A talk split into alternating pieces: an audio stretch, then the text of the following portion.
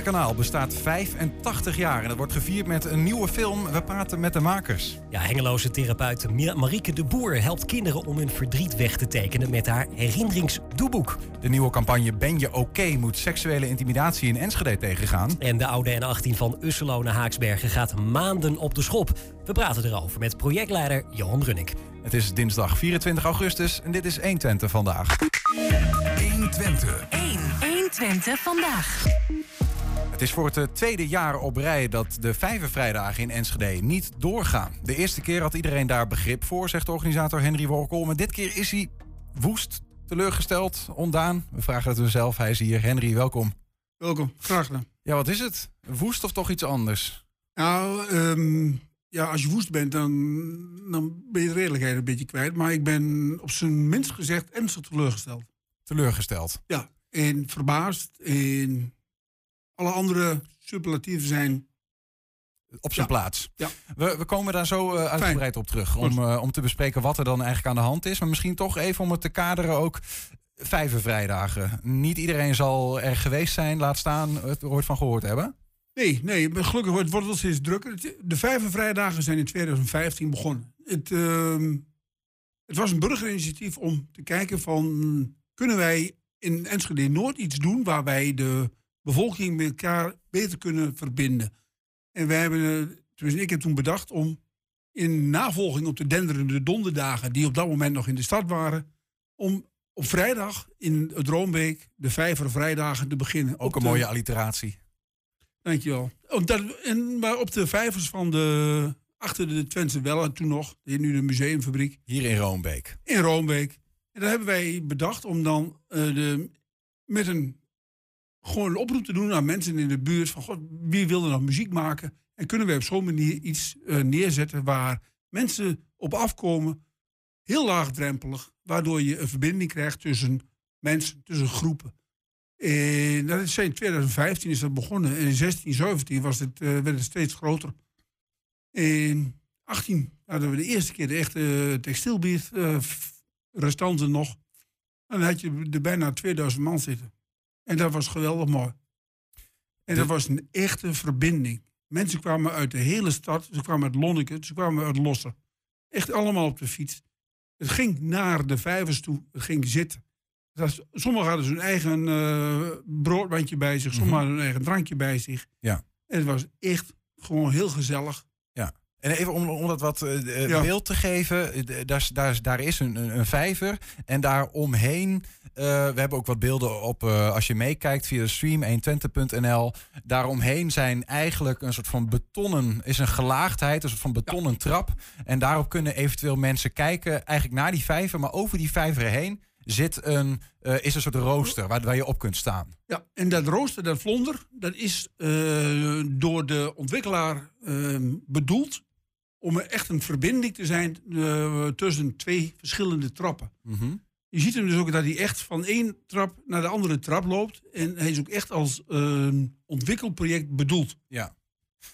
Nou heb je 2019 de laatste keer eh, Ja. georganiseerd. Ja. Duizenden mensen, hoor ik je zeggen. Nee, In totaal hebben we meer dan ja, we duizenden mensen gehad. Ja. We hebben, ja, de, Hoeveel zitten er per editie dan? ja, gemiddeld zit je tussen de 750 en de 1000 mensen per editie. Toen Ja, zal nu iets minder zijn, omdat eh, ja, iedereen heeft toch iets meer afstand. En 2020, nou, dat is de eerste keer dat er corona is. eh, Volledige begrip. eh, volledige begrip. Dat was ook de reden dat het niet doorging toen. Ja. Dit jaar ehm, is er minder begrip. Vertel, wat, wat is er aan de hand? Hadden de, we hebben onze vergunning aangevraagd in februari.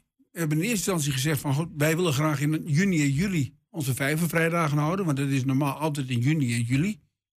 En daar werd al bij gezegd van hou in de gaten dat je mogelijkerwijs iets naar achteren moet in verband met de maatregelen die er zijn. En wij onmiddellijk gezegd van nou dan gaan wij, doen wij augustus en september, de laatste twee vrijdagen in augustus en de eerste twee Want zou het anders nu ongeveer zijn? eh, Afgelopen vrijdag zou de eerste keer zijn. afgelopen vrijdag zou de eerste keer zijn. Ja. En dan zou je hoeveel vrijdagen gaan? eh, Vier. Vier vrijdagen. Ja. Oké. Het is altijd vier vrijdagen. En we hadden de, met alle artiesten hadden wij, want de, de vergunning eh, had, is aangevraagd in februari. We kregen in juni bericht van, nou, juni, juli gaat het niet worden. Mhm. Het wordt augustus, september. Ja. Hebben we ook, de vergunning is ook gepubliceerd, is ook verleend. Er werd wel gezegd van de, de maatregelen van het kabinet kunnen eventueel van toepassing zijn. Dat, dat snap ik. Ja. En vervolgens eh, kregen wij... Wat voor maatregelen zouden dat dan in dat geval zijn? Wat zou je dan moeten, of dan zou je moeten afwachten? Wat Ja, je... dat wisten we dus nog niet. Oké, wat je dus. eh, en daar zit voor mij ook de willekeur. Want wij zitten. Wij hebben een evenement waar mensen lopen. Mensen lopen door elkaar. Mensen lopen van eh, naar de uitgang, naar de voorkant. Ze lopen naar de horeca toe. En het loopt echt door elkaar. En er is ook geen moment dat mensen echt eh, op de plek blijven zitten. Mensen lopen aan en af. Ja. Sommigen blijven er vijf minuten, sommigen blijven er een half uur. Sommigen komen op het laatst, sommigen gaan als eerste weg. En zo loopt er, de- dat hele avond loopt het door elkaar. en dat, dat, dat is het probleem, denk ik, of niet? Nou, eh, voor ons niet, want wij noemen daar, daarom een loopevenement. Ja, En de gemeente Enschede zegt van het is een geplaceerd evenement. En omdat je dus een muziek te gehoren brengt ten behoeve van mensen, moesten wij maatregelen nemen. We moesten eh, de coronacheck doen, we moesten hekken plaatsen, we moesten eh, de, alle andere coronamaatregelen moesten, moesten mensen op de plek zetten. dus het, het, het loopaspect van het evenement moest er eigenlijk uit worden gehaald. moest er helemaal uit worden gehaald. Dus Ja. het, het, eh, daar waar het eigenlijk meer begonnen is, mensen verbinden, et cetera, en de sfeer van het evenement, Mhm. dat moesten wij eh, loslaten. En daar, ja. En dat be- Buiten het feit dat wij daar helemaal geen geld voor hadden, maar dat, dat was voor de, voor de gemeente, voor de mevrouw van de vergunningen, was dat geen issue. Dat was ons probleem. Maar het, het is ergens ook wel. Kijk, we horen bijvoorbeeld eh, de minister zeggen over eh, voetbalstadions. Ja. Blijf op je plek zitten. Ja. Hè, dat is niet, niet voor niks dat ze zeggen. We hebben geplaceerde evenementen die mogen. Ja. Eh, dan klinkt het in mijn oren klinkt het vrij logisch dat de gemeente zegt: ja, u heeft een evenement waarbij mensen soms zitten, maar soms ook staan of door elkaar lopen. Lopen, Ja, dat gaan we ja. niet doen. Nee, klopt helemaal. Waren het niet dat op dezelfde locatie, aansluitend, eigenlijk ook, ook vorige week vrijdag, een soortgelijk evenement wel vergund is. En dat is wel uitgevoerd. En dat En is ik gun- wel- ik gun welk evenement is dat dan? Waar de spaghetti-rellen. Dat is toch een theaterstuk? Dan zitten mensen toch op hun plek. Er zat er geen één op de plek. Alles liep door elkaar. Dus een theaterstuk waarbij ook maar mensen af en aan. Eh, ja, er was ook horeca. De mensen konden ook gewoon heen en weer lopen. Dus de, dat was er. Aan de andere kant, eh, volgende week is er op dezelfde plek ook het Balkonfestival. Is een niet geplaceerd eh, evenement. Mensen mogen daar door elkaar lopen. Maar daar lopen mensen een route bij de Balkonfestival. Nee, ja, toch? totdat ze bij een uitvoering komen en daar blijven ze staan. Staan ze netjes tegen elkaar. Dus mm, wat dat betreft zit er weinig verschil in met hetgene wat wij zouden doen. Oké. Op de vliegbasis heb je vorige week heb je het evenement gehad waarin mensen de, de, de rommelmarkt hadden. De grootste rommelmarkt van Nederland. Volgens mij waren daar duizenden mensen. Mhm. Wat is dan de reden waarom zegt de gemeente... ja, maar dit is voor ons is dit toch anders? Want anders eh, klinkt het voor mij alsof ze eh, meten met twee maten. Nou, dat, dat, ik weet niet of eh, de aanwezigheid van de spaghetti-rellen eh, invloed heeft gehad op het intrekken van de vergunning. Dat zou u bij de gemeente na moeten vragen. Hm. Maar ik zou niet weten welke andere redenen ervoor moet zijn. Want wij hebben ook gezegd van... Maar u hebt dit, ah, ik, ik neem aan dat u een discussie hebt gevoerd met de gemeente. Van, ja, Nou, die mevrouw die zegt heel simpel, eh, ik weet niet waar het is, ik ken het niet, ik ben er nog nooit geweest en ik ga er ook niet naartoe, maar u krijgt geen vergunning. Maar op welke gronden zegt ze dat dan? Van het is een concert en... ehm, Zij zegt, mijn, ik heb met mijn juristen overlegd en wij vinden het een evenement, dus een concert. Dus je moet placeren. Zeg, maar het is geen concert, het is een loopevenement. Dan zegt ze, die discussie ga ik met u niet aan. Maar ik, ergens, eh, als ik dan even advocaat van de gemeente Ja, ja. speel, dan snap ik ook wel dat zij zeggen: ja, eh, daar zijn, we zien dat er hier op een beeld, eh, daar, daar, is een hele trap waar mensen op kunnen zitten. Ja. Daar gaan mensen dus ook zitten. Alleen maar als u die plekken niet aanwijst, ja, dan zullen ze overal Nee, nergens goed, zitten. Ook al was, dat hadden we nog kunnen doen. Gewoon mensen, we hadden rustig op anderhalve meter stippen op de, op de trappen kunnen maken. Dat was het helemaal geen punt geweest. Maar we moesten ook coronachecks doen. We moesten ook de hele weg afzetten. We moesten de, de omgeving afzetten. Er moest beveiliging bij. En daar had u geen geld voor om Nee, dat nou uit te voeren. en geen mogelijkheden. En ook, eh, het is ook niet reëel. Want op een gegeven moment, ehm, het loopt, de busbaan loopt er vlak langs. Ik zeg, nog gaan mensen op de busbaan staan. Waar moeten we daar nog mee? Ja, zegt de mevrouw, dat is niet mijn probleem. Dus op dat moment was ik dus alle redelijkheid ook kwijt. Eh, we hebben het een- echt een paar keer over geprobeerd om het aan te geven van ja, wij willen best meewerken en meedenken met jullie, maar de redelijkheid is eruit. Eh, Was dit niet gewoon een ongeschikte plek? om het te doen. je- He- Heeft u, eh, heb je gekeken naar, naar een andere plek? Een andere, of een andere mogelijkheid? Of een, ja. Hoe- Een andere op deze, of zo. Nee. op deze plek kan blijkbaar iemand op de busbaan ook gewoon mee, mee staan Ja. kijken. Dus je kunt het eigenlijk niet afzetten. Dus eigenlijk Ja, de vraag die gesteld wordt. Nee, maar het is ook een gratis evenement. Het is helemaal gratis. Ja, maar het, gaat, het afzetten gaat natuurlijk om, om het handhaven van coronamaatregels. Nou ja, blijkbaar is dat bij. Nee, maar want u noemt net de ehm spaghetti-rellen. Die zijn op Ja. dezelfde plek gehouden. Toen Ja. is het wel afgezet. Nee, de, er zijn, eh, omdat daar mensen eh, een kaart voor moesten kopen, kun je daar, hebben ze een aantal hekken neergezet. Maar je kunt er net zo goed naast gaan staan. Er is niemand die er wat van, van zegt, want het is gewoon openbare weg. Dus op die openbare weg hadden mensen hutje-mutje kunnen gaan staan. Ja. Maar goed, vervolgens is er nog wel die anderhalve meter regel. Dus daar zou dat. Maar daar hadden wij best aan willen voldoen. Wij hadden rustig eh, op, onze, eh, op de trappen de anderhalve meter stippen aan willen brengen. Maar er was geen, eh, was geen mogelijkheid, er was geen discussie over mogelijk. Er moest een hek komen. Ja, En net- de coronachecks en de veiligheidsmaatregelen. Ja. En buiten dat, het was een week voordat de avond gepland was.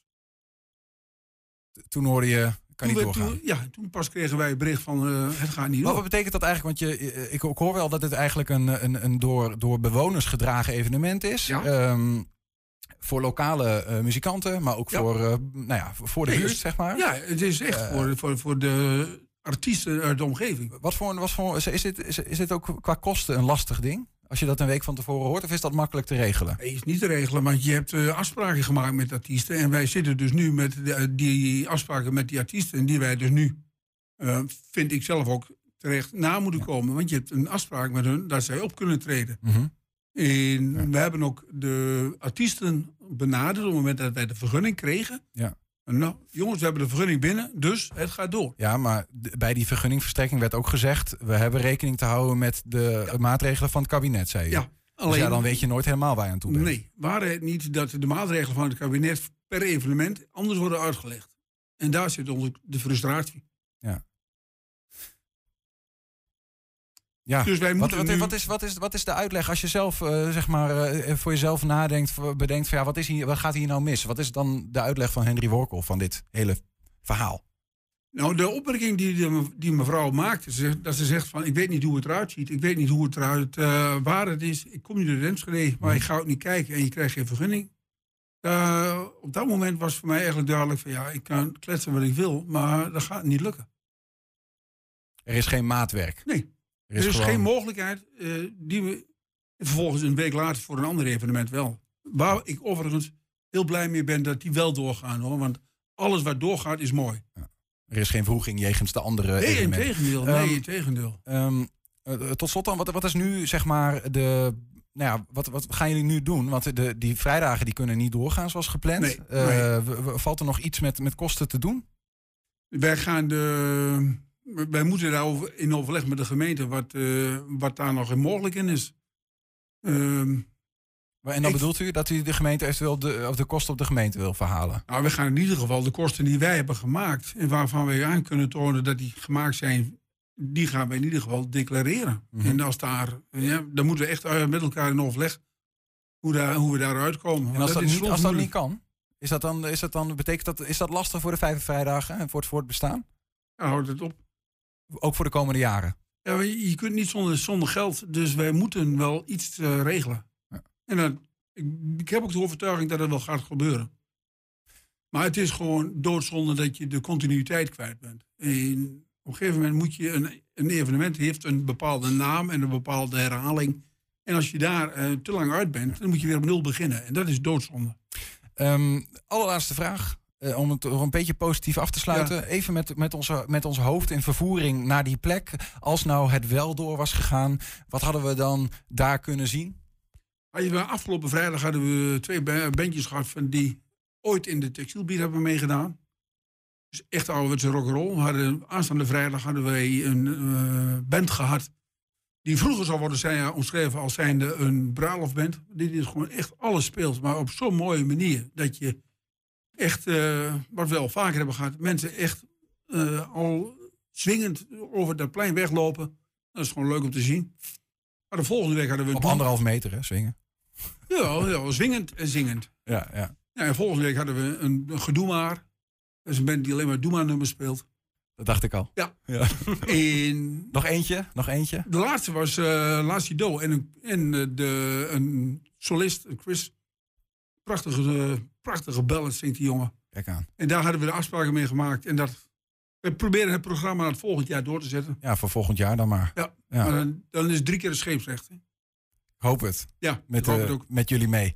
Ehm, Henry Wokkel, dank voor de komst en voor eh, de uitleg. Dankjewel. Graag gedaan. Komende donderdag wordt de 85ste verjaardag van het Twente-kanaal gevierd... met de vertoning van een nieuwe film. Straks praten we met de makers die ouder zijn dan het kanaal zelf. Mocht je dan aan de andere kant van de radio of eh, als je meekijkt via televisie denken van ik heb wel een tip voor onze redactie. We zijn hier druk bezig, maar heb je denk je van nou, die moet toch nog even uitgelicht worden in de uitzending. Geef het even door, dat kan via info.120.nl. 120. 120 vandaag. Ja, misschien heb je ze zien hangen in de binnenstad. Posters met Ben je oké erop. Ze horen bij een campagne tegen seksuele intimidatie. En die eh, vorige week in Enschede van start is gegaan. En we gaan even kijken hoe dat eh, zich heeft ontplooid daar zo. Nou, ik vind het heel mooi dat je de posters ophangt en dat je er aandacht voor aan zou besteden. Eh, alleen het zou niet nodig moeten zijn dat mensen seksueel geïmiteerd worden hoor. Ben je oké? Dat is de nieuwe campagne in Enschede tegen seksuele intimidatie. De stad kampt al langer met dit soort overlast. En deze campagne moet daar verandering in gaan brengen. Wij zijn deze campagne gestart om eh, een statement te maken tegen seksuele straatintimidatie bij de vormen. Eh, natuurlijk ook aan de hand van uh, Mert van der Houwen. Die is begonnen met de petitie destijds. eh, om hier een statement te maken van wat er hier gebeurt op straat. Eh, wij vinden dat straat en seksuele intimidatie niet passend is in een stad als Enschede. En vandaar dat we zijn begonnen met deze campagne. Kijk, en zo hangen we deze posters door de stad.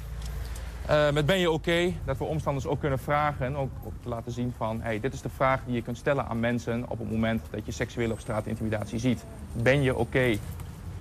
Ik denk vooral dat zulke posters ehm, er wel voor kunnen zorgen dat eh, slachtoffers misschien eerder voor zichzelf ehm, ja, opkomen.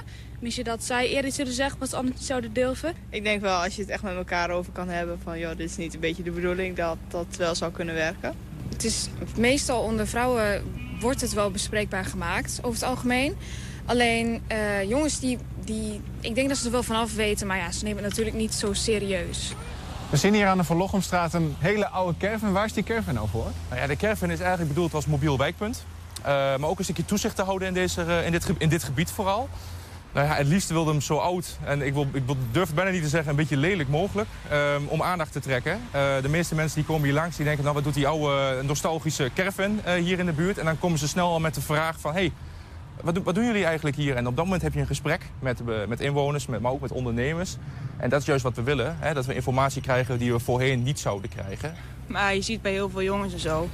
dat ze gewoon niet in de gaten hebben wat, ehm, wat voor effect het echt op vrouwen heeft... omdat ze er zelf niet mee te maken hebben. We hebben natuurlijk cameratoezicht in de binnenstad. Eh, wij geven gebiedsverboden aan, aan mensen die eh, nou ja, ook vooral dit gedrag ook vertonen. Dus eh, wij, doen, wij doen veel als het gaat om, eh, nou ja, om overlast en ook straat- en seksuele intimidatie. Ja, we gaan het hebben over het Twente-kanaal. Die ligt er al sinds mensenheugenis. Althans, die zin gaat misschien op voor de meeste tukkers. Maar niet voor Walter Tunter en voor Marinus van Rooij. Beide mannen zijn namelijk ouder dan het kanaal tussen Zutphen en Enschede.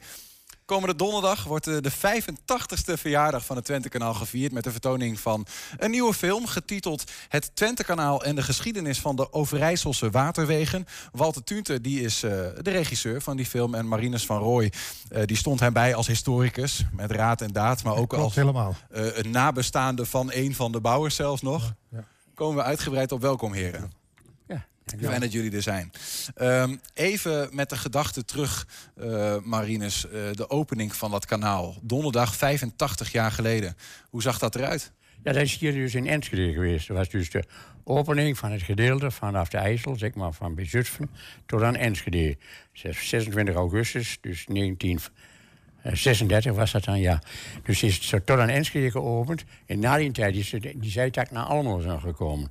Dus het was niet helemaal eigenlijk het, het totale kanaal. Oké. Maar ze noemden ook de Twente kanalen in plaats van het Twente kanaal. Twente-kanalen, het waren ja, er meerdere. want de twee dus eigenlijk. Hè. Dus, Ja, ja, precies. En die zijn later toegevoegd tot één? Of heeft er eentje nu een andere naam gekregen? Ja, nee, het, eh, ja, in de volksmond heet het nu gewoon het Het Twente-kanaal. Twente-kanaal.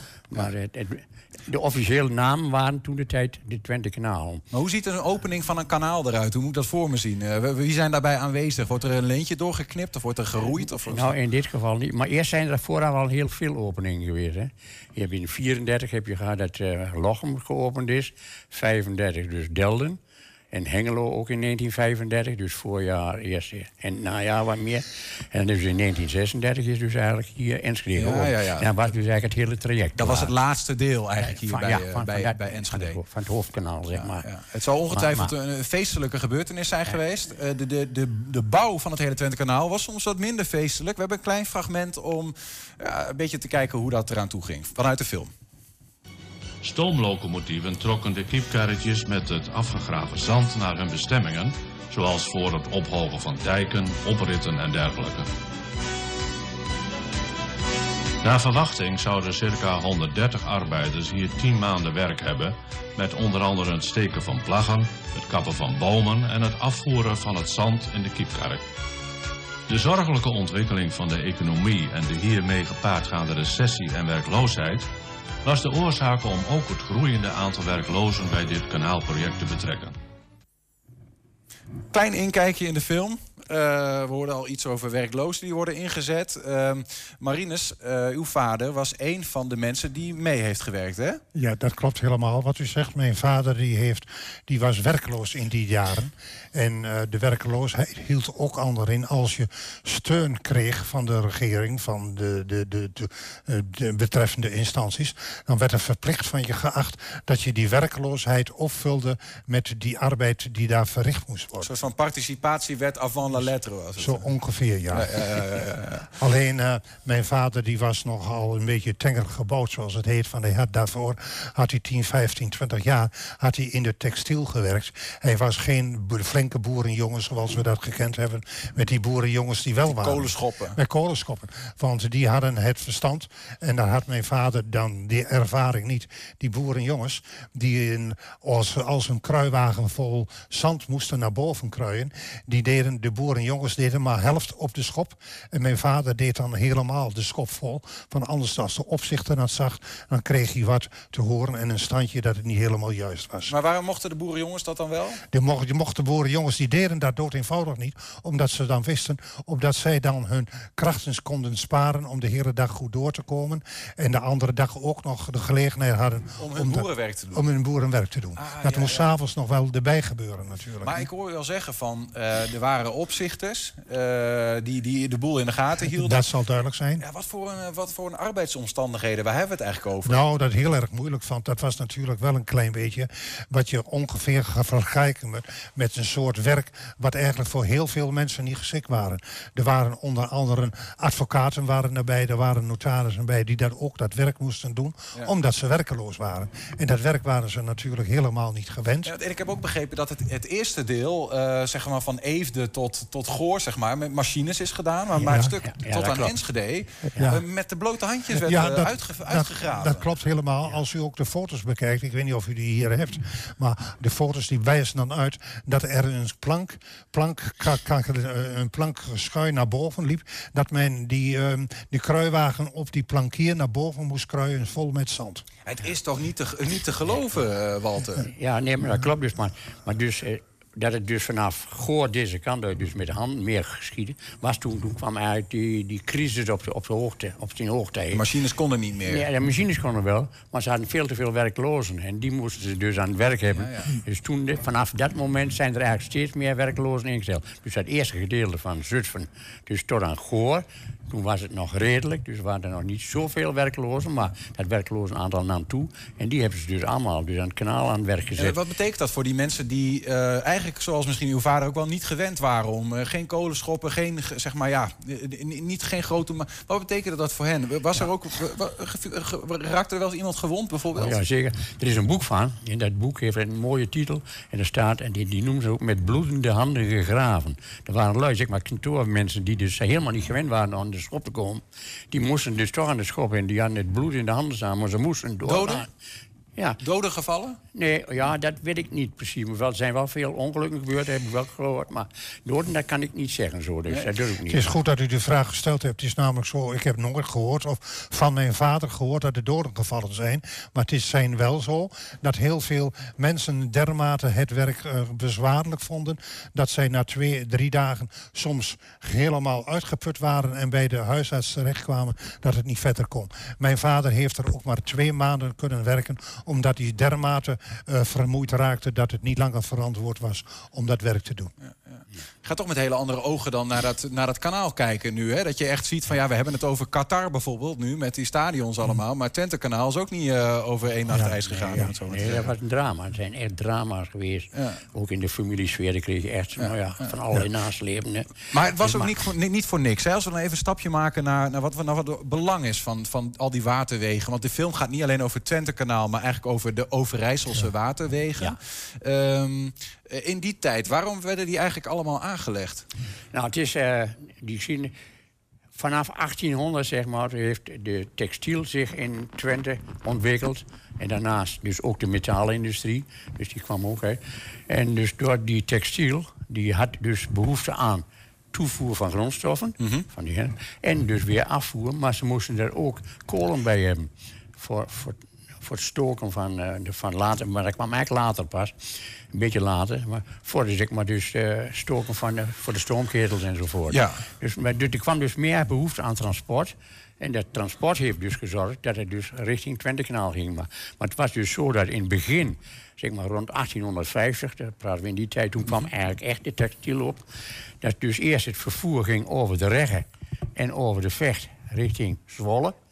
En dan dus weer terug, zeg maar. Maar de dat was dus maar een heel klein riviertje. En daar hadden ze dus echt problemen mee. Want daar hadden ze dus bij die, die zogenaamde zompen gingen ze mee. Dat zijn platbodems, schepen. Die kunnen dus met heel ondiep water kon die varen. Maar hadden ze nog vaak dat ze daar niet overheen Nee. konden. Dat er nog te weinig Het was niet diep genoeg. Het kanaal was, was, was dat een stuk dan zo ver ging dat ze dammetjes in opwierpen. Het water steeg dan, zaten er wat schepen naast, staken ze die dammetjes door. En dan konden die schepen konden we even weer een stukje verder enzovoort. Het was een bittere noodzaak dat er een kanaal zou komen waar wat grotere vrachtschepen doorheen konden. En toen is dus de behoefte ontstaan en toen is het Overijssels kanaal gegraven. Dat is een kanaal dus dat van Zwolle, de IJssel bij Zwolle, Mhm. dus richting Lemelenveld, Vroomschoop, naar Almelo ging. Dus dat is in 1850 ongeveer geweest, 1850, 55. En vandaar bij Vroomschoop ging dan ook een aftakking richting Koevoorden naar de Haandrik. En dat is eigenlijk nu dat beruchte stuk waar ze Ja. dus hebben van Almelo, de Haandrik. Ja. Wat dus nu is. Maar dus dat Wat ook weer uitgebaggerd is omdat er grotere schepen doorheen Ja, moesten volgens mij. maar, Ja. maar, Ja. Dus, maar dit- dus, toen hadden ze dus het Twentekanaal, of het eh Overijsselskanaal. En dus hebben ze later in 1900 ook nog het kanaal Almelo-Noord aangegraven... om meer in Duitsland naar de toe te kunnen. Die kan dit. Ja. Dus om dat transport te krijgen. Maar het was eigenlijk ook een misluk, want de, de schepen groeiden aan, werden steeds groter, er kwam steeds meer transport. Dus ook dat kanaal, dat bleek al heel snel te kort, Ja, te ja, klein wezen. Maar ook het alle Zwolle, het, van het kanaal vanaf Zwolle, dus het Overijsselkanaal, bleek ook alweer te klein te worden. En zie de kwam er het op moest groter en groter. Het is dus gegroeid en toen kwam op een gegeven moment de behoefte om een kanaal nog rechtstreeks naar de Rijn te hebben. Want ze wilden een Twente Rijnkanaal hebben. En dat hebben ze dus ook eerst zijn ze in 1900 al mee begonnen. Om, met de plannen daarvan. Dus om een kanaal van Lobit, of van in ieder geval onder, vanaf de Rijn, onder Arnhem. Mhm. Dus door de Achterhoek naar Twente te doen. En daar zijn een achttal tracés van geweest. ho- Hoe ze dat allemaal zouden willen doen. Maar die is er nooit gekomen. Er is, is er maar eentje dus van gekomen. En dat is dus het, het, het huidige kanaal. Maar er was nog een kanaal, die ging dus van Lobit via de Achterhoek, via Hummelo, eh, precies helemaal naar boven, naar Almen. Dus aan, aan Ik hoop dat de, de topografische mensen, eh, kennis van de mensen goed ja, genoeg nou, is ja. om dit nog Als te ze de volgen. film bekijken, dan Ja. zien ze het wel. Ja, maar dat is een goede teaser inderdaad. Zie je het plaatje er misschien wel bij. Ja, nee, we hebben- Eh, hebben verschillende- maar We hebben het over vervoer gehad. We Ja. moeten even zeggen, want er zijn verschillende belangen van zo'n kanaal. Want een ander belang is ook waterhuishouding. Dat is Ja. het eh, in principe nog steeds. En misschien wordt Ja. het wel belangrijker dan ooit. Nu dat het weer wat extremer wordt. Eh, Marines, daar heeft u zelf ook wel mee te maken gehad, geloof Ja, ik. dat hè? klopt helemaal. Ja. De waterhuishouding die niet zo goed op orde Nou, was we moeten natuurlijk niet vergeten dat ehm, Hengelo een 7 meter beneden de, het pijl van de Enschede ligt. Dat kunnen we zien bij de sluizen bij Waarbeek daar. Wanneer we die sluizen bekijken daar op het merendelingbord, dan blijkt namelijk dat men in die, in die, die bekken daar, dat men het water 7 meter omhoog moet brengen om het gelijk te krijgen met de richting Enschede. En eh, ik woonde ergens in Hengelo op een, eh, punt waar wat beken bij elkaar kwamen. Stork is niet voor niets naar Hengelo gekomen, omdat er daar heel veel beken waren. Die hij, kon hij kon die beken gebruiken als koelwater en als verfwater voor- zijn de beginstijd van de textielfabrieken. Ja, ja, ja. Maar goed, eh, met als gevolg dat de Hengeloze bekers soms overliepen... Nou, en dat uw hu- huis half onder water stond aan de onderkant Nou, niet half onder water, die stond helemaal onder water. We hadden soms het water anderhalve meter in de woonkamer staan. In die tijd had men houten vloeren, zoals het heet. En dat duurde nog wel even een paar weken voordat we er helemaal En dat werd was. beter toen de kanalen er waren? Zeg Dus je moet niet vergeten, in 1955 is er al een plan in Hengelo ontwikkeld. wat in 1960 zo ongeveer tot ontwikkeling kwam. om de beken buiten Hengelo op te vangen. en dat men omleidingsbeken maakte. Ja, daar, ja. Onder andere bij het Lonnekermeer daar in de buurt. Bij de Hui- eh, eh, Huitingsveldweg. Ja, daar is dan een omleidingskanaal gemaakt, beek gemaakt. zodat die beken die buiten Hengelo aankwamen. daarin opgevangen werden. en dat al dat water niet door Hengelo heen kwam. wat niet verwerken kon door de smalle bekking die daar was. Daar is overigens ook een film over gemaakt. Daar heeft u zelf ook een film over Wat, gemaakt. dat is voorloper van deze Ja, film ja, ja, precies, ja, ja. Dus helemaal over de beken van Dus Hengelo. die, Hoe- die, hoe- die hebben we nog een keer te goed. Die kunnen we ook nog een keer bekijken. Ja, nee, dat, mag wel dus. Dat is, Ja. dat is heel ook interessant. Hoe, de hele ontwikkeling wat hij vertelde, dus hoe dat ging. Dat Hengelo van onder water nu helemaal droog is Ik geworden. wil nog even naar het pro- proces van, van deze film. Hè? De film met de titel eh, Twentekanaal en de geschiedenis van de Overijsselse waterwegen. Ehm, want ook, eh, zoals het, ik wou bijna zeggen, zoals het bouwen van het kanaal een heel proces was, eh, was die film was dat ook. Want volgens mij was de oorspronkelijke bedoeling dat hij drie kwartier zou duren. Ehm, Maar hij, hij duurt nu anderhalf uur. En het, is ook niet, het, is ook best, het heeft best wel een tijdje geduurd, hè? Ja, ja, nou, ik ben er anderhalf, ja, ja, anderhalf jaar mee bezig geweest. Dus. Maar goed, het is dus een film die, die is eigenlijk ontstaan. Ik zit, even, dan maak ik even een stukje geschiedenis misschien, maar, of historie. Ja, we hebben nog Ik heel kort. Bij, de- bij, de, bij de filmclub, videofilmclub Hengelo. Mhm. En daar ben ik dus, zit ik dus ook weer. En met die videofilmclub hebben we dus alles films gemaakt. Leden individueel. En ook een keer wel met groepjes bij elkaar. Het zijn allemaal vrijwilligers, die hebben samen deze film ja, gemaakt. Ja, dus de, laat ik zo zeggen. Ik had dan wel de, het leeuwendeel misschien. Maar in wezen er zijn natuurlijk een hele hoop mensen die geholpen hebben. Maar toen het idee dus Hoeveel ontstond- mensen zijn dat? Hoeveel mensen hebben daar meegewerkt ongeveer? Nou, in eerste instantie had ik dus toen het idee, met dit idee kwam van deze film. Dat was eigenlijk naar aanleiding van die bekenfilm waar we het net over hadden. Dus, eh, maar toen kwam dus dit idee naar boven en eh, dat zou ik dan dus aanpakken. Maar toen heb ik dus een groepje gemaakt van vijf personen die me zouden helpen. Met camera, met opnamewerk allemaal en zo. Die dus Mhm. niet, niet de regie deden, maar maar wel alle opnamen. Er zijn er dus twee van afgevallen. Die wegens, één wegens ziekte en de andere wegens andere omstandigheden. Maar er bleven er drie over. En die hebben dus heel veel met die opnames gedaan. Zelf ben ik wat minder mobiel, dus ik kon dat allemaal niet, eh, niet redden. Maar goed, in ieder geval, dus dat Er ging staat prima. genoteerd. Dat, dat- dan is het maar genoemd, hè? Dat, Ja. dat dat een productie is van veel verschillende mensen. Wat, wat, wat, wat hopen we eigenlijk dat die film... Wie moet die film kijken? Nou, het is heel erg belangrijk dat u die vraag stelt. Want dat kan ik dan even zeggen. Uit betrouwbare bron heb ik vanmiddag vernomen dat die film in totaal 72 minuten duurt. En Nee. de, 96. 96. Ja, ja, ja, ja. Oh, oh, nou 96. Nou ja, vooruit. Dan moeten we nog even... Ben- een, ben eh, ik- misschien is er, zijn er twee verschillende bewerkingen. Dat kan. Nou ja, goed, dan, Nee, dan, ben, dan ben ik er een Maar paar minuten verder. Maar goed, maar heel erg belangrijk is die film... dat die, die film vertoond wordt onder andere op verschillende situaties. En onder andere zijn er al plannen om die film te gaan vertonen... in het Historisch Museum in Hengelo, aan de Beekstraat. Ik heb er vanmiddag ook eh, vanmorgen met iemand over gesproken... en dat is wel de bedoeling, wanneer de anderhalve meter afstand vervalt... en dat er meerdere mensen in één zaal kunnen Dus hij is nog te zien. Als we nu denken van, oh, ik wil hem ergens zien. Hij is nog te zien. Hij zal in de toekomst Ja. zeer zeker te, Ja. te Hij wordt zien. ook door Ja. 120 uitgezonden. Ja. Dat is dan ook maar. eh, maar dat, dat komt nog. Dat gaan we ook aankondigen als dat Ja, gebeurt. Eh, dat staat dan ook maar genoteerd. Ehm, ja, we- zijn eigenlijk wel. Ik ben misschien dan een, een laatste vraag. Ehm, Walter, is dit nou je. Eh, opus magnus, is, dit al, is, is, het nu, is het gedaan of heb je eigenlijk nog plannen voor nieuwe films? Nou, ik, eh, ik had gezegd toen op het laatst van die film was... dat ik zeg, ik stop ermee. Hè. Ik ben inmiddels om leeftijd dat dus ook allemaal niet, niet gemakkelijker meer gaat. Maar aan de andere kant stilzitten kan ik ook niet. Dus Oh, misschien mag ik we daar hebben iets- nog een idee om, om toch nog iets te doen. Dus. Misschien mag ik daar even op antwoorden. Een laatste maar woord. heb, heb ik natuurlijk met Walter over gesproken. Walter heeft in zijn achterhoofd zitten dat hij eh, een film misschien gaat maken over het huis Hengelo, wat uit de 14e, 15e eeuw is. Want ik heb daar namelijk twee maanden geholpen, een aantal jaren geleden, om die fundamenten die onder de Rijkstoezicht van de van, van, van, van staan, Rijks, eh, Rijksmonumenten staat, Ja. om die op te graven en daar een verhaal over te Kijk, maken. Huis Hengelo, dat was het eh allerprilste begin geloof ik, hè, waar nu Teamsbrug zit. Dat zal natuurlijk Ja, en helemaal woon ik maar vijf minuten meer daarvan af. Nou, we weten er alles van. Eh, bedankt heren voor dit eh, verhaal. Doet geen recht aan de film. Ga die vooral kijken. Het Twente-kanaal en de geschiedenis van de Overijsselse waterwegen. Ehm ga het even googlen, dan vind je vast hoe je dat kunt kijken. Ehm, Walter Tunte was bij ons en Marinus van Rooij. Bedankt. Graag gedaan. Graag gedaan.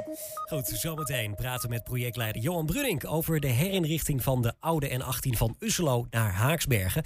En even een kleine side note: we zijn ook gewoon te beluisteren als podcast. Dat kan uiteraard gewoon op alle platforms, bijvoorbeeld Spotify. 120. 1. 120 vandaag. Goed, ja, de Hengeloze tekentherapeut Marieke de Boer presenteerde zeven jaar geleden haar herinneringsdoeboek. Daarmee leren kinderen hun verdriet te verwerken door te tekenen. Rouwverwerking is voor kinderen heel anders dan voor volwassenen. Of het nou gaat om overlijden van een gezinslid, of dat eh, van een huisdier, of misschien wel een scheiding of een verhuizing. Er moet altijd iets verwerkt worden. Het herinneringsdoeboek is al eh, door vele honderden kinderen gebruikt. Onlangs verscheen de vierde druk. En ondertussen is Niels Veurink ook weer aangeschoven. Ja, en bij ons in de studio is eh, de schrijfster, of de, de maakster, ik weet niet hoe je dat zoiets noemt eigenlijk, Marieke de Boer. Goedemiddag. Goedemiddag. Is het eigenlijk goed nieuws of slecht nieuws dat zo'n zo'n boek ehm, zo succesvol is? Dat is een mooie vraag. Misschien wel een dubbel, dubbel antwoord. Aan de ene kant natuurlijk niet goed. V- dan is er veel verdriet. Aan de andere kant, ja, ik, ik bekijk het wel positief. Ehm, dan is er vraag naar het boek. Ik ben begonnen met tien exemplaren. Ben ik letterlijk mee de boer opgegaan. En dat het nu zover is gekomen tot de vierde druk, had ik me eigenlijk niet kunnen bedenken. Maar wat betekent dat als er een vierde druk is, dan, dan is die dus al blijkbaar heel vaak verkocht? Want eh, als die op een gegeven bepaald aantal keer verkocht Ja. is, komt er een volgende druk. Maar Klopt. hoeveel keer is dat boek verkocht? Ja, ik heb het in eigen beheer uitgegeven. Dus eh, eigen beheer betekent ook eh, zelf bekostigen, eh, kijken waar is vraag naar, hoeveel exemplaren zijn er nodig. Ja. Maar dan hebben we het over bijna 400 exemplaren in totaal. Ja, ja. En eh, is dat dan, eh, wat, wat voor achtergrond heb jij zo, dat je zo'n boek maakt? Eh, heb, je, heb je dan een, een therapeutische achtergrond? Want het heeft een soort van therapeutische werking? Ja. Of, of meer een Ja. artistieke of een Ja. co- combinatie van ja, dat? Ja, ik heb eh, de opleiding Genezen Tekenen gevolgd. Vierjarige HBO-opleiding tot kindertekentherapeut. Het is een HBO-opleiding? Ja. Niet een afsplitsing? Nee. Genezend tekenen? Ja, vierjarige HBO-opleiding. Oké. En ehm genezend tekenen, ja, ehm, het, de tekentherapie met kinderen. Dus tekenen inzetten als therapie om kinderen op weg te helpen. Met waar ze ook mee zitten. En Is dat gaandeweg... voltijd vierjarige opleiding dat Nee, je daar... nee, het is wel een deeltijdopleiding. Ja, ja. Het is een deeltijdopleiding. Maar is dat ook, Ja. want, want dan, dan hebben we, dus dat gaat ook echt specifiek over kinderen. Ja. Dus de, Ja, de, ik heb specifiek gekozen voor de kinderrichting. de therapeutische, ehm, nou ja, zeg maar de, de manier waarop kinderen eh, verwerken, rouw, maar misschien ook andere vormen, is dus echt wel specifiek anders dan bij volwassenen Ja. bijvoorbeeld. Ja. Waar zit Ja, dat dan in? Heel anders. Ehm, ten eerste al als volwassenen hebben we al het een en ander meegemaakt. Waardoor we al ideeën en eh, ja, gevoelens meenemen naar wat we nu meemaken. En voor kinderen is het vaak, ja, je maakt in één keer voor het eerst mee dat er iemand overlijdt in de omgeving. En dat maakt, ja, hoe ga je daar dan mee om? Ehm, hoe, hoe zien wij het als volwassenen om de kinderen heen is ook heel bepalend. Ehm, ik zeg altijd, hoe, eh, hoe, hoe, hoe de ouders ermee omgaan, is vaak ook een spiegel hoe de kinderen ermee omgaan. Vinden ouders het moeilijk of lastig uit te leggen? Wat is er gebeurd? Of het gaat gebeuren als iemand ernstig ziek is en zal overlijden? Ehm, hoe, hoe breng je dat naar de kinderen? Op een manier dat ze het begrijpen. Ja. En dan heeft iedere eh, fase van leeftijd nog weer zijn eigen eh, kenmerken van hoe kinderen het oppakken en beleven. Maar kunt- hoe, hoe komt het dat bijvoorbeeld eh, wij als eh, meer volwassen mensen niet een, een doeboek ter hand nemen als we Ja, je zou het wel kunnen doen. Want de, leeftijd vanaf een jaar of vier wordt het verkocht. Ja. Eh, het wordt ook op scholen gebruikt, bij kinderdagverblijven. Coaches en therapeuten gebruiken het. Maar je zou het ook heel goed kunnen gebruiken als volwassene. Als je houdt van het tekenen of het schrijven. Ehm, het is gaandeweg het proces ondersteunen. Hoe werkt dat dan? Op welke manier? Misschien kun je wat, wat Ja. voorbeelden van hoe, welke manier wordt er dan aan rouwverwerking gedaan eh, in- Ja. met zo'n boek? Ja, ehm, dat is eh, door. Ja, ik, ik zeg al, ik, ik neem ze aan de hand mee door het boek. Mhm. Je Ehm, hebt daar voor je heb je een camera, die, eh, die ziet je. Ja. Dus misschien kun je wat dingen laten, laten zien vanuit het boek. Dan, Het is in eerste instantie ehm, ge- gedrukt in een dyslexie-vriendelijk lettertype. Mhm. Speciaal lettertype wat kinderen met dyslexie ook goed kunnen lezen. Ehm, ja, het is ook echt helemaal in kindertaal gelezen. Dus ehm, kinderen vanaf een jaar of 7, 8 kunnen het ook alleen lezen. Ik neem ze echt mee.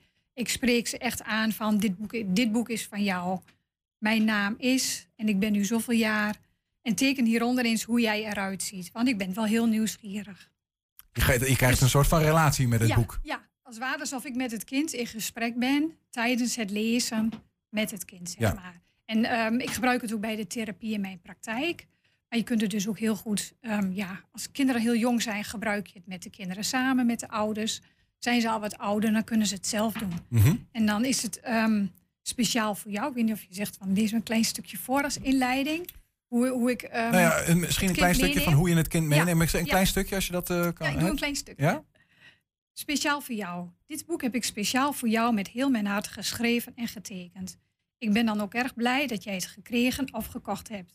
Want dit boek kan jou helpen jouw verdriet lichter te maken over iemand die nu dood is en van wie je heel veel houdt. Dat is de inleiding. Alle gele stippellijntjes die in het boek staan, die zijn bedoeld om de naam van de overledene in te schrijven. Dus ze kunnen bijvoorbeeld overal opa, oma of wie dan ook. Je noemt het beestje ook echt bij de naam, die Ja, ja, nu dood is. Het, is, het wint er geen doekjes om. Nee, Nee. nee. dood is ook echt voor kinderen helder. Ja. Een, een konijn is ook dood, eh, als een, een dode vogel op straat. En hoe gaan die kinderen daar uiteindelijk mee? Want, want dat is nog een stukje tekst, een stukje inleiding. Wat zijn die echte doel? Want dat, is de doelopdrachten. Hoe zien die extra, eruit? extra doelopdracht. Dat is bijvoorbeeld, ehm, eh, kun jij iets, ik leg in eerste instantie uit van wat is dan dood voor Mhm. de allerjongste kinderen. En kun jij nog iets bedenken dat leeft en ook ooit dood zal gaan? Kinderen kunnen dan tekenen naar een blad of een dier of wat dan ook wat dood zal gaan. Ehm, en dan komt ook de vraag, weet jij waardoor bijvoorbeeld oma is doodgegaan? Je mag het hieronder opschrijven en of tekenen. Dus al gaandeweg vanaf het begin wordt het kind daarin meegenomen. Ja, en ik begeleid het daarin liefdevol en ja, hand in hand, zeg maar samen. Je probeert het met tekeningen eigenlijk Ja. een plek te geven Ja. in, ja, in de gedachte of in... Zoals dat wij dat als, volwassenen misschien wat meer met woorden kunnen ja, doen. ik zeg, ik noem het gesprekjes op papier. Ja. Wat wij doen in woorden, dat heb ik met de kinderen en dat doen zij hier door te tekenen. Hoe, hoe weten we dat dit werkt? Hoe weten we dat dit werkt? Ja, dat is een mooie vraag. Ehm, ja, ik denk dat het feit dat, dat de vierde druk al is verschenen. ehm, Kan ook dat- een stukje dat- wanhoop zijn. Hè? Ja, dat mensen ook. denken, ja gut, Ja. ik moet wat. Ja, nee, maar daar, daaruit wordt het ook vaak gekocht. Van, ehm, er gebeurt iets in het gezin. Eh, oh, hoe ga ik mijn kind daarbij helpen? Dus in die zin is het ook weer heel mooi om eh, het kind de gelegenheid te geven. Het geeft ook een aanleiding om met het kind te gaan praten. Het geeft opening. En het geeft ook een idee, ehm, ja, hoe, hoe pak je dat samen op? Hoe, hoe ga je daarmee aan de slag? Ja, ja, ja. En de positieve reacties van eh, ouders, ja, ja, ja. omstanders. Ja, en je- dan krijg je een reactie van de opa van... nou, de, zijn vrouw overleden, oma is overleden. En voor de kinderen, ehm, het boek, dat, dat, nou, het zit nog net in de band... maar dat- er is in geknipt, geplakt. eh, de rouwkaart kan erin. Eh, het, het is gewoon echt een boek voor altijd... maar wat gewoon gekoesterd wordt. Dus, ehm, Je blijft voor altijd op de plank staan. ja. ja. Kijk, ja. het zijn 144 bladzijden. Het is niet de bedoeling ehm, dat, dat werk je even door. Het, het gaat in fases waar kinderen behoefte aan hebben om te gaan doen, om te gaan tekenen, om te gaan maken. Is dit, is, het voor, is dit voor elk kind? Of eh, eh, heb je ook, eh, ja, is het ook per kind verschillend of ze met zo'n ja, boek uit kan. de voeten kunnen? Dat kan. Er zijn wel kinderen die hebben minder met tekenen, maar die vinden het leuker om te schrijven. Of dingen in te plakken. Ja, maar dit gaat echt over tekenen vooral. Ja, dit is echt het tekenen. Ja, ja. Maar ze, de, de ruimtes zijn vrij om ook in te schrijven. En ook om dingen in te plakken, te verzamelen. Dit, dit is echt een levensherinneringsdoeboek. Ja. Eh, Is het, ehm, eh, eh, want we hebben het over rouw gehad vooral. Ja, dan Ja. denk je toch vaak aan mensen die eh, doodgaan. Mhm. Eh, oma, opa, zusje misschien wel. Ja, ja, broertje, het kan, kan zo erg zijn. Ehm, ik, gaat het ook over bijvoorbeeld scheidingsprocessen of wat dan ook? Hè? Want dat, dat speelt Niet in ook, dit boek, ook maar wel, die kinderen zie ik wel in de praktijk. Oh ja. Eh, kinderen die zitten met een echtscheiding. Ehm, ze zijn verhuisd en ze kunnen hun draai niet vinden. Vriendjes van de oude woonplaats los moeten laten. Nieuwe vriendjes maken. Ehm, ja, rouw is, is, er op veel, is er op veel meer manieren dan alleen bij overlijden. Wat, wat- zitten er parallellen tussen hoe kinderen, misschien wel mensen, omgaan met rouw en met bijvoorbeeld scheiding of eh, nou ja, verhuizing? Bedenk maar eens wat, waardoor kinderen soms van naar een andere plek toe gaan of zo. Ja, kijk, de grootste eh, gemene deler is eigenlijk het verdriet. Of je, je, als, je, als je hart vol zit met, met, met verdriet en met tranen, hoe kan er dan ruimte zijn voor plezier en leuke dingen? En dat, dat is ook als je iemand heel erg mist, die is overleden. Maar dat kan ook zijn als je ouders eh, gaan scheiden en je vader woont in een ander huis dan je moeder en er staat altijd een tas in de gang. En je switcht van het ene plekje naar het andere plekje. En dat is ook een stukje ehm, verdriet wat kinderen bij zich kunnen dragen. Maar wat ik wel heel vaak zie, is dat ehm, we het als volwassenen vaak niet onderkennen dat er verdriet speelt. Hè? Of dat het iets zit waar kinderen mee zitten, wat hun belemmert in, in hun plezier. Vaak zijn er eh, situaties, bijvoorbeeld op school loopt het niet lekker. Ehm, er is veel vaker geruzie thuis. Kinderen plassen bijvoorbeeld ineens weer in bed. Ehm, er zijn zoveel ehm Maar we herkennen, dat, signalen. we herkennen dat niet als een, Nee. als een symptoom eigenlijk Ja. van het lijden. Ja, want ik heb bijvoorbeeld kindjes in de praktijk eh, gehad, die waren misschien vijf, zes jaar. En die hebben in hun, in, hun, in hun vroegere leven iemand verloren, iemand heel dichtbij. En eh, als je drie bent, verwerk je, of verwerken, de, ehm, maak je het verdriet heel anders mee dan dat je vijf of zes bent.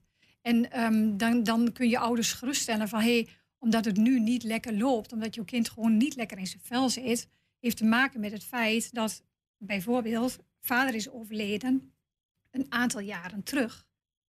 En dan heb je als het ware een soort van opgekropt verdriet waar het kind niet meer uit de weg kan. Maar da- dan komen ze al bij jou in de praktijk. Ja, dus dan ja. weten ze ergens al, ja, misschien Ja. gaat dit over, want anders komen Kan. ze niet bij jou. Misschien Nee, gaat het over een overlijden of wat dan ja, ook. of ze bellen eens, of ze kijken op de website. Of, of een juf die zegt, weet je, dat zou misschien wel eens een aanleiding kunnen zijn waarom het nu niet zo fijn gaat. Ja, ja. En dan komen die kinderen bij jou. Wat is dan Ja. het is zo'n eerste gesprek? Hoe, ga, hoe gaat dat dan? Wat ja, we vraag doen je? eerst Wat vaak voor de, voor de telefoon. Ja, altijd eerst even horen, wat, wat is er aan de hand? Wat speelt er? Ehm, waar lopen de ouders tegenaan thuis? Waar, lopen de kinderen tegenaan? Ehm het is samen kijken van, hey, eh, hoe, hoe- kunnen we dat als beste als eerste oppakken? En als eerste doe ik vaak een wat is er aan de hand sessie. En dat is een eerste eh, kennismaking met moeder en kind. Eerst een kwartiertje samen. En dan drie kwartier met het kind samen. Echt alleen met, eh, met hem of haar en mij, zeg maar. En dan al tekenend, want in een tekening kan ik lezen wat er aan de hand is. Dus dat is dan weer het mooie om te kijken van waar zit het kind mee en wat zou jouw kind nodig hebben en hoe zou ik daar iets in kunnen betekenen. Dankbaar werk. Ja, heel mooi. Ja, ja. Ja. Ehm, eh, eh, bijna tot slot. eh, we hebben natuurlijk een periode achter ons met, met een lockdown, ook heftig. Is, Zeker. is dat iets waar jij, waar Ja. jij ook met kinderen bezig mee ja, bent geweest? Ja, ja, ook. En al- als je in die periode, ehm, stel je voor, je bent, je bent voor de lockdown een opa of een oma verloren. Je komt in de lockdown en dan ga je daar al met verdriet in, hè, of met een groot gemis. Ehm, dat is in die periode niet ineens minder of anders, ook niet nu we er min of meer uit zijn, zeg maar. Ja. Dus ehm, verdriet blijft. En vaak, ehm, ja, en dan komt het een beetje op de achtergrond. Dus het is, het is wel heel goed dat, dat ouders daar wel naar blijven kijken. Wat ze ook hebben meegemaakt daarvoor, maar ook daar tijdens die periode.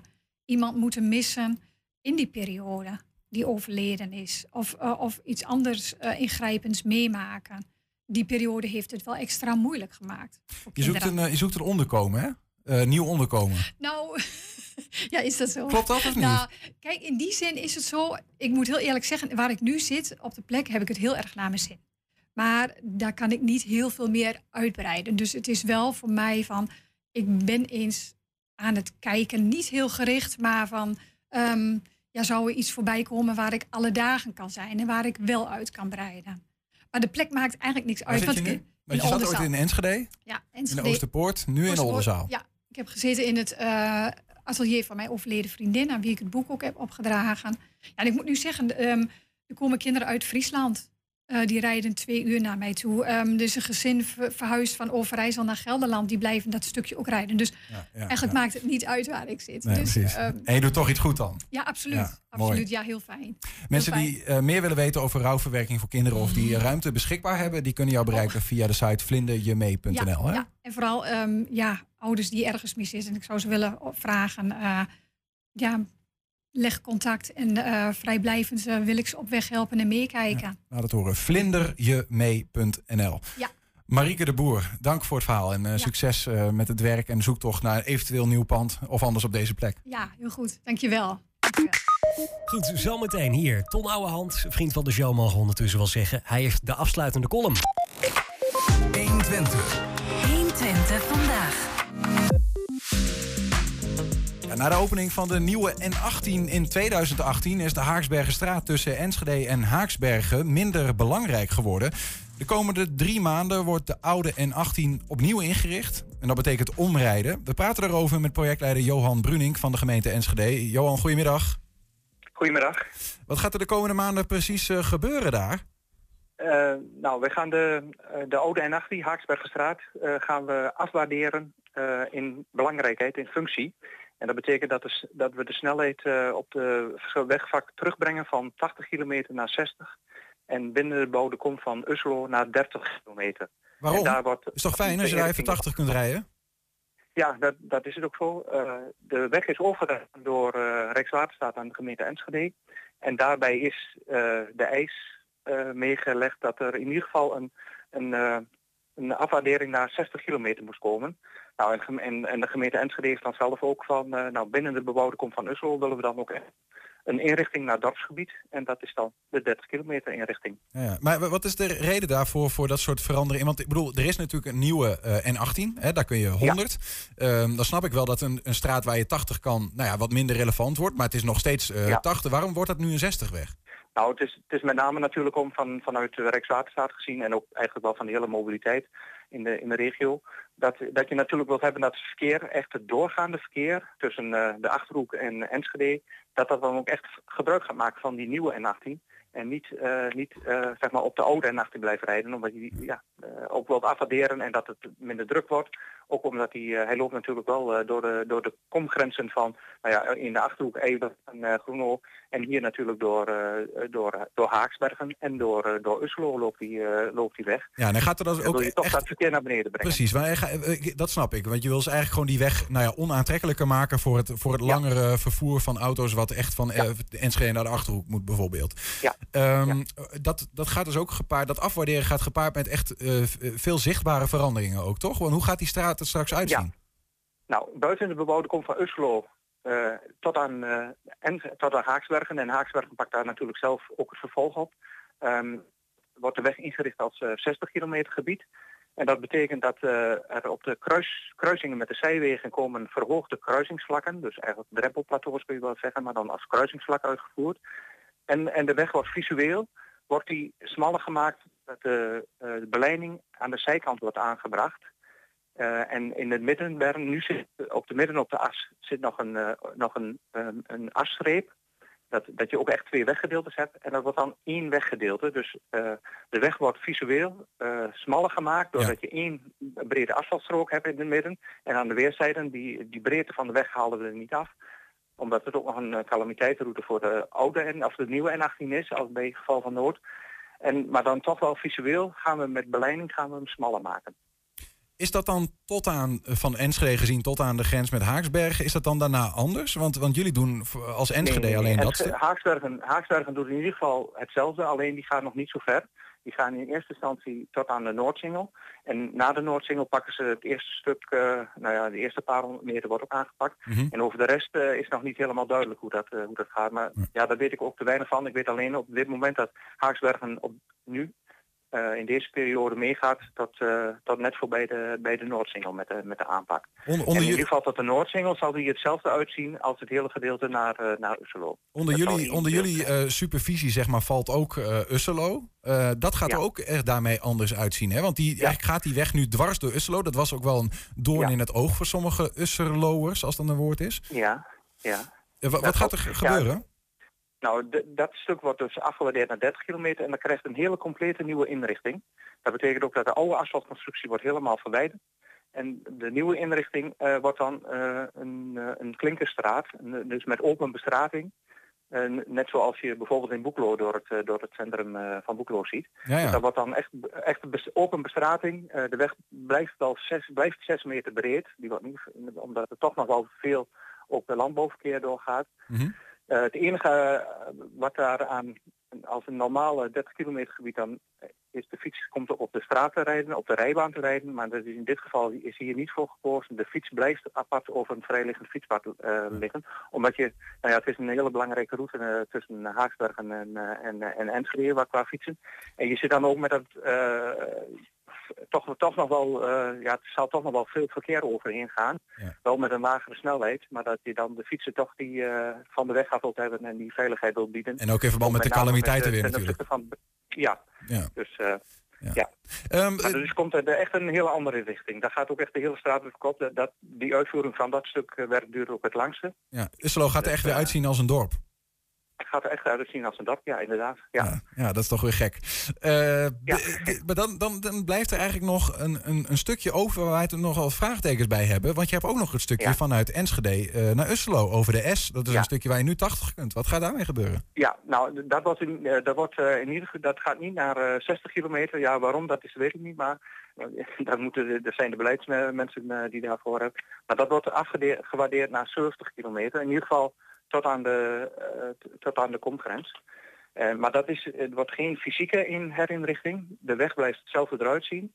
Alleen eh, de bordjes worden vervangen. Dus in plaats van 80 komt er nu een bordje met 70. Dus als je van Enschede komt, dan 70 rij je, rij je ja. in Enschede rij je 50, dan rij je over de S Ja. 70, dan rij je door Usselo 30 en dan rij je over de oude N18 60.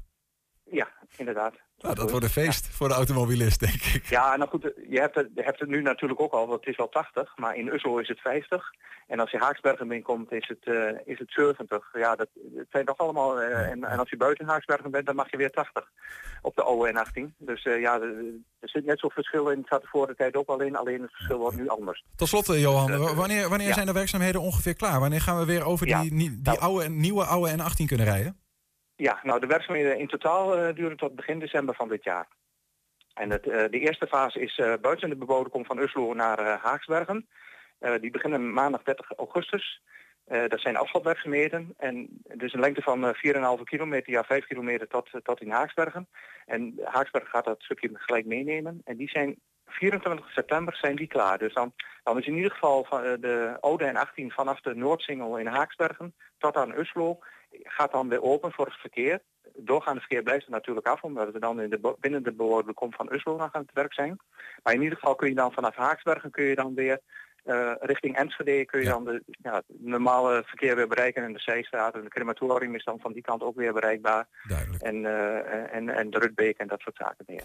Dank voor de Maar uitleg. werkzaamheden eh, binnen, binnen de bebouwde kom van Uslo duren nog tot begin december. Dus het doorgaande verkeer blijft er in ieder geval zo lang af. Dank voor de uitleg en eh, succes met de werkzaamheden. Johan Brunink ja, hoorde je. dankjewel. 120. 1. 120 vandaag. Ton Ouwehand.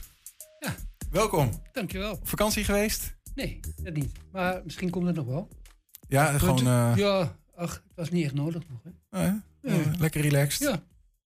Kolompje geschreven. Kolompje gezegd, ja. Nou ja, Nou, we zijn benieuwd, eh, Ton. ja goed. Eh, je weet het nooit met Lubach. Staat erboven. En de titel is De tijd drinkt niet. Natuurlijk, ik weet ook wel dat ik gewoon te oud ben. Maar ik klus nog voor de krant waar ik heel lang op de kunstredactie werkte. Verder ben ik columnist voor 120. En voor het Binnenstad Magazine. Wekelijks maak ik een aflevering in de serie Wegens Omstandigheden geopend. Zit in de redactie van het bulletin van het Nederlands Jazzarchief en schrijf voor Silver Magazine. Daarnaast muzikant, initiatiefnemer van de Harry Banning Willem Wilming wandelroute. Door, maar of schrijven voor Arjan Lubach mijn leven zou oppeppen, ik kan het me niet voorstellen. Vriendelijke groet, Ton Ouwehand. Al dus mijn sollicitatiebrief, die ik onder het kopje Je weet nooit naar Lubach mailde toen ik op Twitter las dat hij voor zijn nieuwe dagelijkse tv-programma tekstschrijvers zocht. Voor de duidelijkheid, ik deed dit niet uit zelfoverschatting. Geen idee of, of ik dat wel zou kunnen voor Lubach schrijven. Misschien zou ik het ook niet eens leuk vinden, of andersom. Ik dacht voorlopig alleen maar, als je nou eens niet in de Randstad woont, lezen ze dan zo'n mailtje. Ik lever nooit teksten voor televisieprogramma's, want waarom zou ik? Laat die mensen hun eigen programma's maken, denk ik altijd. Nou, hoewel, nu lieg ik. Want ooit, ergens halverwege de jaren zeventig, stuurde ik iets naar de tv. Dat zat zo. Ik had van mijn huisarts een kaartje gekregen met een beschrijving van klachten waarmee men zich onverwijld tot de dokter diende te wenden. De laatste zin op dat kaartje intrigeerde me dusdanig dat ik vond dat de tv daarvan op de hoogte gebracht moest worden. Er stond namelijk dat je bij pijn of moeite met plassen je urine moest inleveren en dat kon dan in een kastje naast de deur van de praktijk. Alleen was dat nogal onhandig geformuleerd. Er stond bij pijn of moeite bij het plassen, plas voor 12 uur in het kastje. Dat zinnetje had ik met een markeerstift geel gemaakt. Het kaartje stuurde ik op naar een komisch bedoeld consumentenprogramma van de VARA. Na een week zag ik het terug als filmpje. Een man met duidelijk zeer hoge nood zie je over straat lopen, terwijl hij steeds op zijn horloge kijkt. En ja hoor, daar komt het bordje met de naam van mijn huisarts in beeld. De man kijkt nog een keer op zijn klokje, constateert tot zijn zichtbare geruststelling dat het nog geen twaalf uur is. Hij zoekt even het bewuste kastje. Als hij dat heeft gevonden, opent hij eerst dat eerst en daarna zijn gulp om het kastje vervolgens vol te piezen. Dan komt mijn kaartje in beeld, terwijl de presentator Letty Kosterman zegt... Dankjewel, Ton Ouwehand uit Enschede. Goed, ik heb dus enige ervaring met landelijke televisie. Maar dat was in de tijd dat Lubach nog geboren moest worden. Blijft de vraag, lezen ze bij tv mailtjes die niet uit de Randstad worden verstuurd? Jawel, bleek het antwoord, want binnen een week kreeg ik bericht terug. Hallo, stond erboven. Het ging verder met... Leuk dat je geïnteresseerd bent in een rol als schrijver voor het nieuwe programma voor Anja, Arjan Lubach.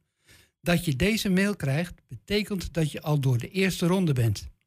Daarop volgde het woord J. J, dubbel E, uitroepteken. Waaruit ik opmaakte dat ik hier best een beetje om mocht juichen. De mail ging verder. Om een goede inschatting te maken van wat je kunt en wie je bent, willen we je vragen om een proefopdracht te maken, die uiterlijk 1 september bij ons binnen moet zijn. Nou, missie geslaagd dus. Het was gelezen. En wat nu? Heb ik zo'n proefopdracht gemaakt? Vraagt u zich wellicht af. Nee, natuurlijk niet. Want ik heb nog een week.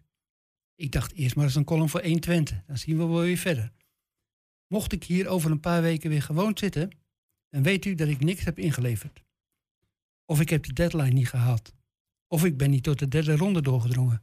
Maar mocht u me hier niet meer terugzien, en u moet heel hard lachen om Arjen Lubach, dan weet u hoe het zit. Ah, Ton Ouwehand, dankjewel. En uh, ik, ik, kan deze tekst er niet gewoon naartoe. Of was dat al... Uh... Nee, ik denk dat ik het maar doen. dan ben ik klaar. Goed. Moet je ons wel even noemen dan, hè Tom? Ja, ja, ja. Oké. Okay. hey, tot zover ook weer 120. Vandaag, morgen, dan zijn Niels en ik weer terug op de radio. En zometeen Henk Ketting, geniet ervan. En alles is terug te kijken, terug te lezen op 120.nl. Ik zeg fijne avond. Tot morgen. 120. Weet wat er speelt in Twente.